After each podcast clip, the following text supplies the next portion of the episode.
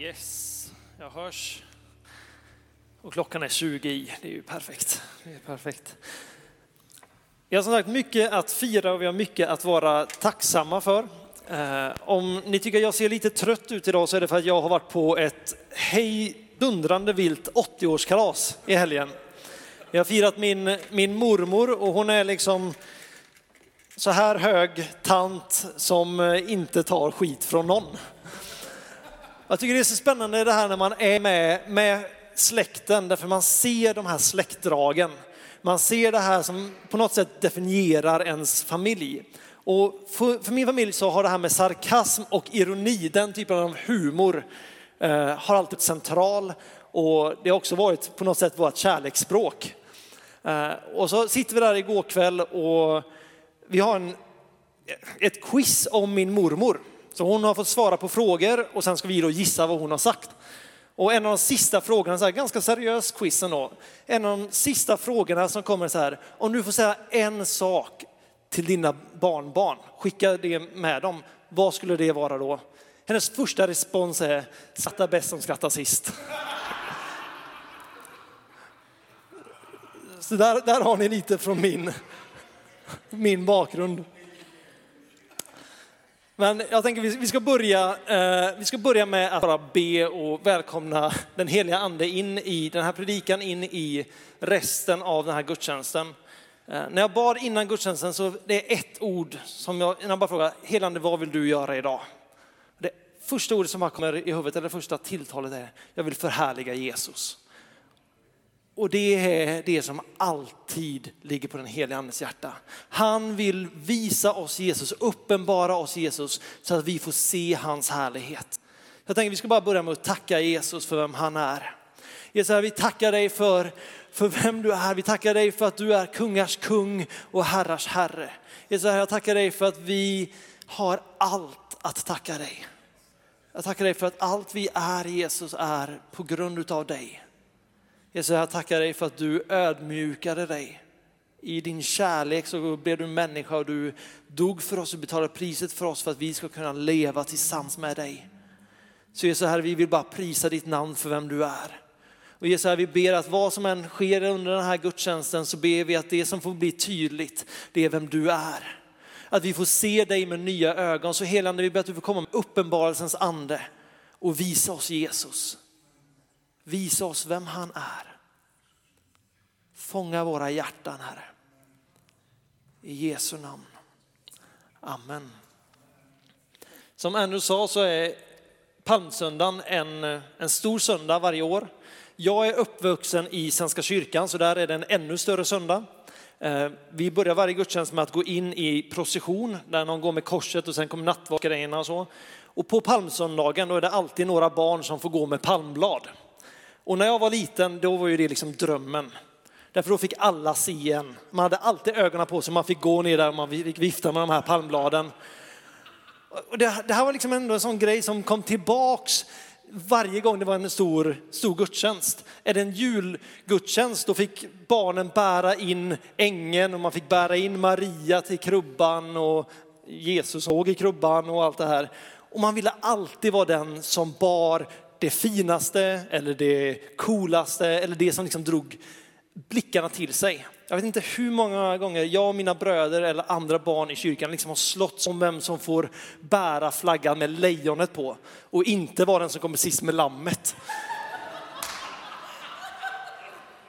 Därför det, det beror så mycket på i den åldern, så här, vad, vad, man, vad andra människor ser i en. Man vill bygga upp någonting av att jag har koll på läget. Eh, detta är min bibel. Eh, min första bibel hittade jag i en container eh, på, utanför församlingshemmet hemma. Det var en Nya testamentet. Jag kom hem och visade pappa, pappa, pappa, kolla jag har en bibel. Jag sa, men du får ha en riktig bibel. Så han gick över och hämtade hela bibeln till mig. Jag var kanske fyra, fem eller någonting. Och den här har jag haft med mig. Och det är spännande när man kollar tillbaks i gamla saker som man har ägt, för man kan liksom se lite hur man har tänkt. Den här ser ju ut att vara väldigt läst. Eh, det är den inte. Min hund bet i permen så jag fick silvertejpa den. Fördelen med var det att alla trodde att jag läste väldigt mycket. Och ni vet, jag såg hur min äldre bror satt så här med markeringspenna och strök över saker som han tyckte var bra. Jag tänkte, så gör man när man läser Bibeln. Så jag började stryka under. Och jag, jag ska bara läsa någon här som jag har strykit under i rosa, bara liksom för att göra det extra tydligt. Du har skrivit det här, jag kanske är sex år eller någonting. Dödsriket där nere kommer i rörelse för din skull, för att ta emot dig när du kommer. Det väcker upp det avlidnas andar för din skull, alla jordens ledare. Det låter hedna folkens alla kungar stå upp från sina troner. Alla började tala och säga till dig, har också du blivit svag som vi? Du har blivit som en av oss ner till dödsriket. Det här var, det, det är ett fantastiskt ord alltså. Eh, också liksom så här skrivit, vet, när man hittar att det finns anteckningssidor längst bak i Bibeln, tänker man, ja, men då ska jag skriva ner mina böner. Och då har han så här, en väldigt så här from, jag börjar så här med väldigt mycket stavfel. Jesus, hjälp farmor nu, låt hon bli helt frisk. Jesus, jag ber också att du hjälper alla som har det svårt, alla fattiga och de som har drabbats av till exempel naturkatastrofer. Det är fin bön ändå. Nästa sida så kommer, på julafton i kyrkans julspel, jag är Gabriel. Det jag ska säga står på sida 70. Så mycket man bara gjorde för att på något sätt visa vem man var. Eller visa att man kunde, eller visa att man, men man var ju ändå kyrkoherdens son, liksom. det måste ju synas på något sätt. Kanske genom en tejpad bibel. Och det som är, det som är spännande är det här att exakt samma princip fanns det bland fariseerna. De kanske inte tejpade sin bibel för de hade ingen bibel, men de gjorde större tofsar på sina mantlar för att människor skulle se dem där de kom. De stod och skrek ut sina böner i, i synagogan eller i templet så att människorna där skulle se vilka de var. Se att ja, men det här är personer med auktoritet eller människor som kommer från någonting och man skulle se upp till dem. Och sen kommer Jesus. Jesus var i människors ögon i den absoluta majoriteten av hans liv så var han en nobody. Jag sa det att man ser mycket var man kommer ifrån när man kollar på sin släkt. Jesus föddes i en fattig familj i Nasaret. Nasaret i Galileen som var föraktad av den andliga eliten i Jerusalem. När Jesus kommer dit och de kallar honom för Nazaré så är det en pik. Jag tror det är Natanael som säger vad gott kan komma från Nasaret. Jesus var en nobody. Och när han rider in på palmsöndagen i Jerusalem så väljer han inte att göra det på romarnas sätt med stora vita hästar, med trummor och med baner, utan han väljer ett åsneföl. Och han rider in på, på ryggen, någonting som inte borde se ut som någonting alls. Och hela staden kommer i rörelse. Därför de ser vem Jesus är. Alltså jag, det, det, jag älskar den sista biten. Kan vi få upp eh, slutet på den första texten som Andrew läste förut? De skriftlärda fariseerna de säger till Jesus, säg åt dina lärjungar att tiga. Jesus svarar, jag säger er, om det tiger kommer stenarna att ropa ut. Därför hela skapelsen, i den sekunden så förstår hela skapelsen vem Jesus är. Jesus är Gud själv. Han är alltings skapare, alltings början, alltings slut. Han är A och O. Han är den som har hela världen i sin hand. Och han väljer att bli människa, komma ner och gå mitt ibland oss i förhållanden som inte jättemånga av oss skulle vilja befinna sig i. I smutsen. Men när människor ser Jesus, de ser, det är inte någonting som han har klätt ut sig till. Men när de ser honom så ser de sanningen. De ser vem han är. Och det förvandlar allting. Hela stan kommer i rörelse och de prisar honom. Och det som är intressant är, man ser samma sak i, i Jesu undervisning. Jesus, man tycker att han borde kunna säga ännu mer, jag är Guds son, jag är den levande guden, fall ner och tillber mig så ska jag göra era liv bra. Jesus förnekar inte att han är Guds son. Jesus förnekar inte att han är den enda vägen till Fadern. Men det hans undervisning fundamentalt består av det är att han säger att Guds rike är nu här. Guds rike har trätt in och det är öppet för människor att komma och bli en del av. Står redan i, om vi tar Markus evangeliet, 14 verser tar det innan citatet kommer från Jesus. Tiden är fullbordad och Guds rike är nu här. Omvänd er och tro evangelium. Och vi pratar ganska ofta abstrakt om Guds rike. Vi pratar om Guds rike som, ja, men det, jag vet inte ens vad man brukar säga. Vi använder Guds rike utan att riktigt förstå vad det är vi pratar om. Men när Jesus predikar om det, i alla liknelser han drar så talar han om det som en verklighet, som en dimension som är tagbar för oss här och nu. Den engelska översättningen i eh, himmelriket är nu här, det är att himmelriket är handen. Sträck ut och ta det. Det finns här för oss. Det är vad Jesus predikar om.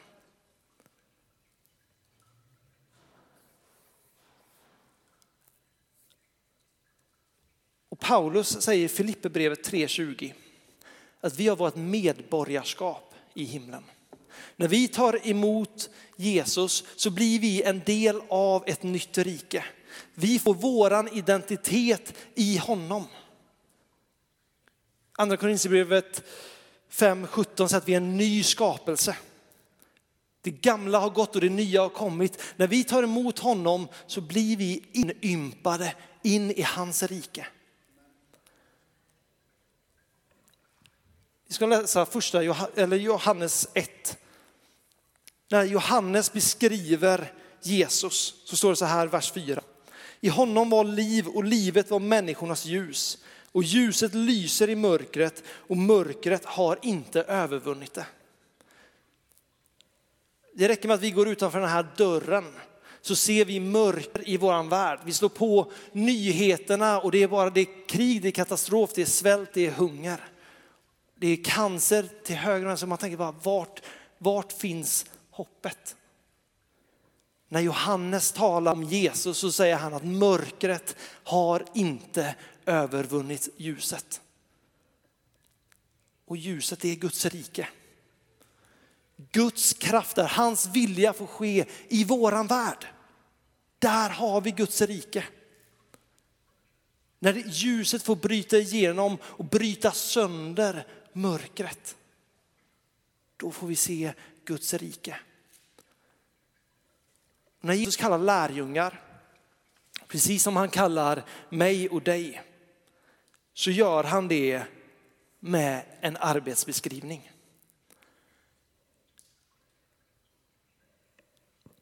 Så säger Matteus 10, 7-8. Och där ni går fram ska ni predika, himmelriket är nu här. Bota sjuka, uppväck döda, gör spetälska rena, driv ut onda andar. Det ni har fått som gåva, ge det som gåva. Matteus 28, där säger han, gå ut och gör alla folk till lärjungar. Döp dem i Faderns, Sonens och den helige Andes namn och lär dem allt vad jag har lärt er. Det finns en dubbel, ni vet, man brukar tala om att det finns två diken. Och allt för ofta så hamnar man i det ena eller det andra. Ett dike som vi väldigt lätt hamnar i, det är när vi talar om nåden. Nåden är en fri gåva från Gud. Vi kan inte göra någonting för att förtjäna nåden. Men det blir allt för ofta att vi tänker, jag tar emot nåden och sen kan jag sitta här och bara njuta av nåden hela mitt liv. Men det finns inte en enda sån beskrivning i Nya Testamentet. Utan Jesus säger kom och ta emot av mig, men så fort vi kommer och tar emot av honom så sänder han ut dem. Det ni har fått som gåva, gå och ge det som gåva.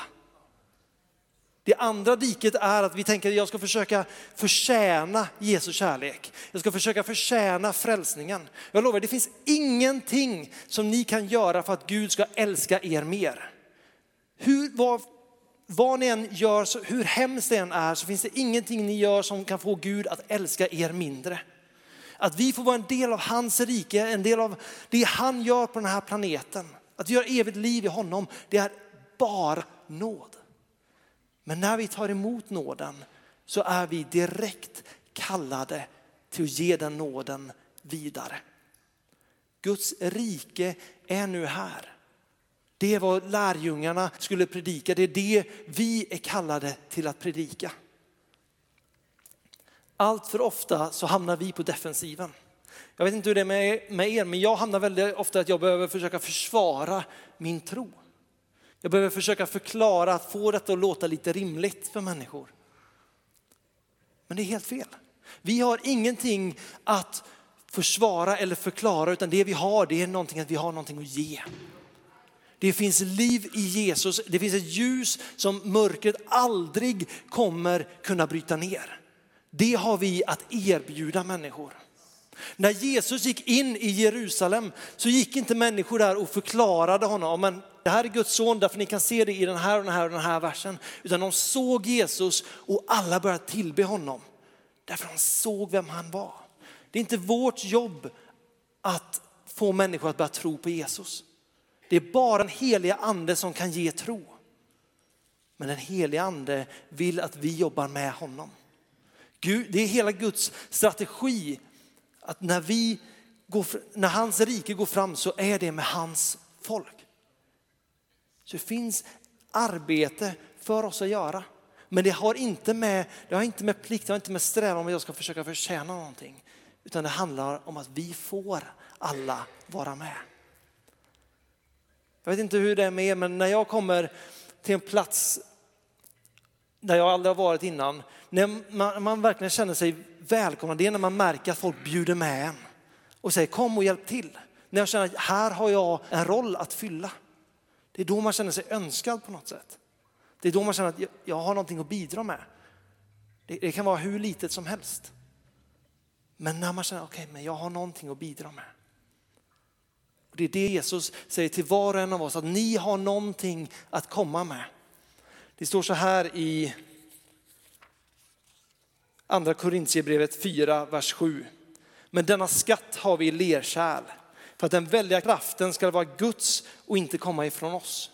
Det spelar ingen roll om ni är utbildad läkare, ingenjör, vaktmästare, soffpotatis eller arbetslös. Det spelar ingen som helst roll därför alla har vi någonting att ge. Har vi fått ta emot någonting från Jesus så har vi hela himmelriket att ge till nästa människa vi möter. Men allt för ofta så tar vi ett steg tillbaka och tänker, nu måste jag försöka försvara det här, jag måste försöka få det att låta vettigt i människors ögon. Vi blir ofta en termometer. Vi ser vad, vad samhället är, vad samhället tycker och vi försöker hålla den värmen. Men vi är kallade till att vara mot staten, vi är kallade till att vara de som gör en skillnad. Därför att Guds rike är nu här. Guds rike som helar de sjuka, som sätter de fångna fria. De som, Guds rike som kan ge människor frälsning genom Jesus Kristus. Det är här. Och var och en av oss som har tagit emot Jesus som vår Herre och Frälsare har det att ge vidare. Inte i egen kraft, utan genom den helige Ande. Lerkärl, de spruckna lerkärlen, det är vi. Våra brister, det finns ingen här inne som är komplett. Det finns ingen här som har koll på allt det vi gör. Men Jesus väljer att använda oss därför att det visar på hans härlighet. Han uppenbarar sig själv.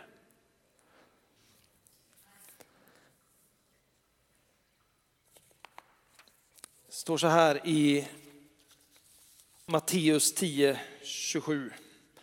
Och detta är, på något, detta är versen som jag har bärt med mig i ungefär två veckors tid nu och som jag bara känner, det är det här jag på något sätt vill säga idag. Det står så här, vad jag säger till er i mörkret ska ni säga i ljuset. Och vad ni hör viskas i ert öra ska ni ropa ut på taken. Vi är Guds folk som var och en av oss har förmågan att känna in Gud, höra Gud och se vad han säger. Och tycker vi det är svårt att känna in det, då har vi det här. Och ett ord från Gud kan förvandla vilken människas liv som helst.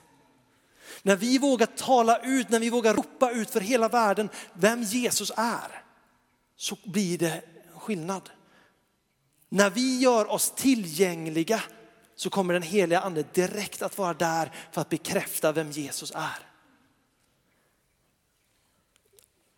De enklaste gångerna när man ber för sjuka, i min erfarenhet, det är när man har sagt att Gud helar. Därför då vill den heliga ande vara där och han vill bekräfta att det Guds ord säger är sant. Eller när man möter någon som inte är kristen, man ber för någon på stan. Den heliga ande är så påtaglig därför han längtar så efter att visa att Guds rike är här och det är tillgängligt för oss. Vi får bli en del av det som Gud gör för den här världen. Vi får vara termostaten som säger att detta är Guds standard. Det handlar inte om att gå ut och döma människor för hur de lever, men det handlar om att tala ut Guds sanning över människor. En värld som ropar efter självfokusering, egoism. Jag ska se ut så här, jag ska ha den här bilen, jag ska köra det här och människor blir mer och mer vilsna. Att då få tala ut en sån enkel sak som att du är älskad. Du har ett värde. Hur vet jag det? Jo, jag vet det därför att Jesus dog för dig. Det finns sån kraft när vi talar ut det som Gud talar till oss. Vårat uppdrag ifrån Gud är att gå ut och säga att riket är nu här och göra lärjungar. Och vad är det en lärjunge gör? En lärjunge gör det som mästaren gör. Han följer mästaren och han gör det som mästaren gör. Det är våran kallelse. Det Jesus gjorde, det finns tillgängligt för oss att också göra. När vi möter människor som sitter fast i trasiga förhållanden, i smärta och sjukdom, i hopplöshet, arbetslöshet, vad det än är, att bara kunna erbjuda bön in i det och veta att Gud är för den människan. Bibeln säger, Bibeln säger att Gud är för oss, han är inte emot oss. Bibeln säger också att om Gud är för oss, vem kan då stå emot oss? Jesus kom och sa, Guds rike är nu här. Guds rike där ljuset alltid övervinner mörkret är här för oss att ta emot.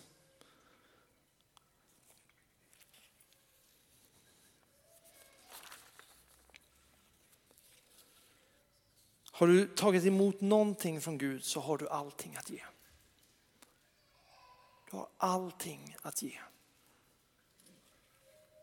Därför som jag sa förut, vi har blivit en ny skapelse. Vi har himmelriket på vår insida. Det spelar ingen roll vad du har för erfarenheter bakåt. Det spelar ingen roll vilken utbildning du har, hur mycket du har läst Bibeln. Du har Gud på din insida vilket gör att vi har allting att ge. Och vi är kallade till tjänst. Inte för att han ska älska oss mer, inte för att vi ska förtjäna nåden, utan för att vi får vara med i det som Gud gör. Det är en inbjudan ifrån honom. Det är inte en plikt han lägger på oss utan han säger kom och var med i det som jag gör. Kom och var med och se mitt rike bryta igenom. Tänk om vi får vara en församling i Linnéstaden, i Göteborg, som säger det här är Guds sanning. När världen säger någonting annat så står vi och säger detta är vad Gud talar, alltså innebär det att det är sant. Det kan förvandla en stadsdel. Det kan förvandla en stad, det kan förvandla ett land. För vi vet att Guds sanning håller. Och jag tror vi lever i en tid där längtan efter äkthet, efter sanning aldrig har varit så desperat. Idag det, det finns ett begrepp som säger att allting är relativt. Det finns, det finns inga relativa sanningar. Det Gud säger, det är sant. Och sanningen sätter oss fria. Och vi får vara med. Vi får vara med i det som Jesus gör. Jag lovar, när, när han reder in och människor, jag till och med skapelsen kommer ropa ut vem han är. Det är inte någonting som vi får försöka klämma fram. Men när vi säger det som vi hör honom viska i mörkret, när vi säger det i ljuset, när det han talar till oss, när vi får ropa ut det på hustaken, så kommer det att förvandla. Därför det är inte vår kraft, utan det är Guds kraft som han har lagt i lerkärl, som han har erbjudit oss. Det är Guds kraft, men vi får vara med på resan. Vi får vara med i det som Gud gör. Det är en fantastisk resa vi är på. Vi har sett mängder med människor ta emot Jesus de två senaste åren. Man ser det över hela landet så börjar människor att komma till tro. För att det ska eskalera så måste vi vara en plats som säger det som Jesus säger. Inte det som är bekvämt, men det som är sant. Därför sanningen är attraktiv. Sanningen är frälsande. Och människor hungrar efter det. Och vi har det. Vi har det i överflöd. Frågan är, vill vi, är vi beredda att vara med och ge det vidare?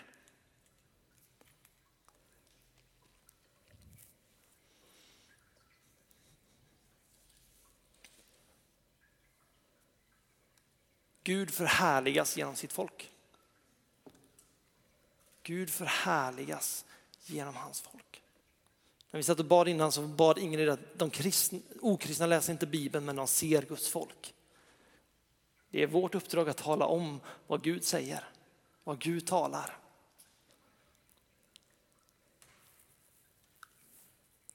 Jag pratar inte om en kyrka som är en stor politisk maktfaktor. Kyrkan har testat det och det gick inte så bra. Men när Guds folk vågar stå upp för Guds ord, då finns det ingenting som kan stoppa oss. Därför om Gud är för oss finns det ingenting som kan stå emot oss. Vi kan väl ta och be tillsammans. Jesus, jag vill bara tacka dig för, för att du har sanningen i dig. Tackar dig Jesus Herre för att du är sanningen. Jesus, jag bara tackar dig för att det finns en värld utanför de här väggarna som hungrar efter det. Så jag ber dig helige att du får komma, du får, du får fylla på oss med mer av din, av din glädje Herre. Jag ber att du får fylla på oss med mer av din, av din kraft. Jesus, jag tackar dig för att vi får vara med i det som du gör. Jag tackar dig Jesus Herre därför att människor kommer känna igen dig för vem du är.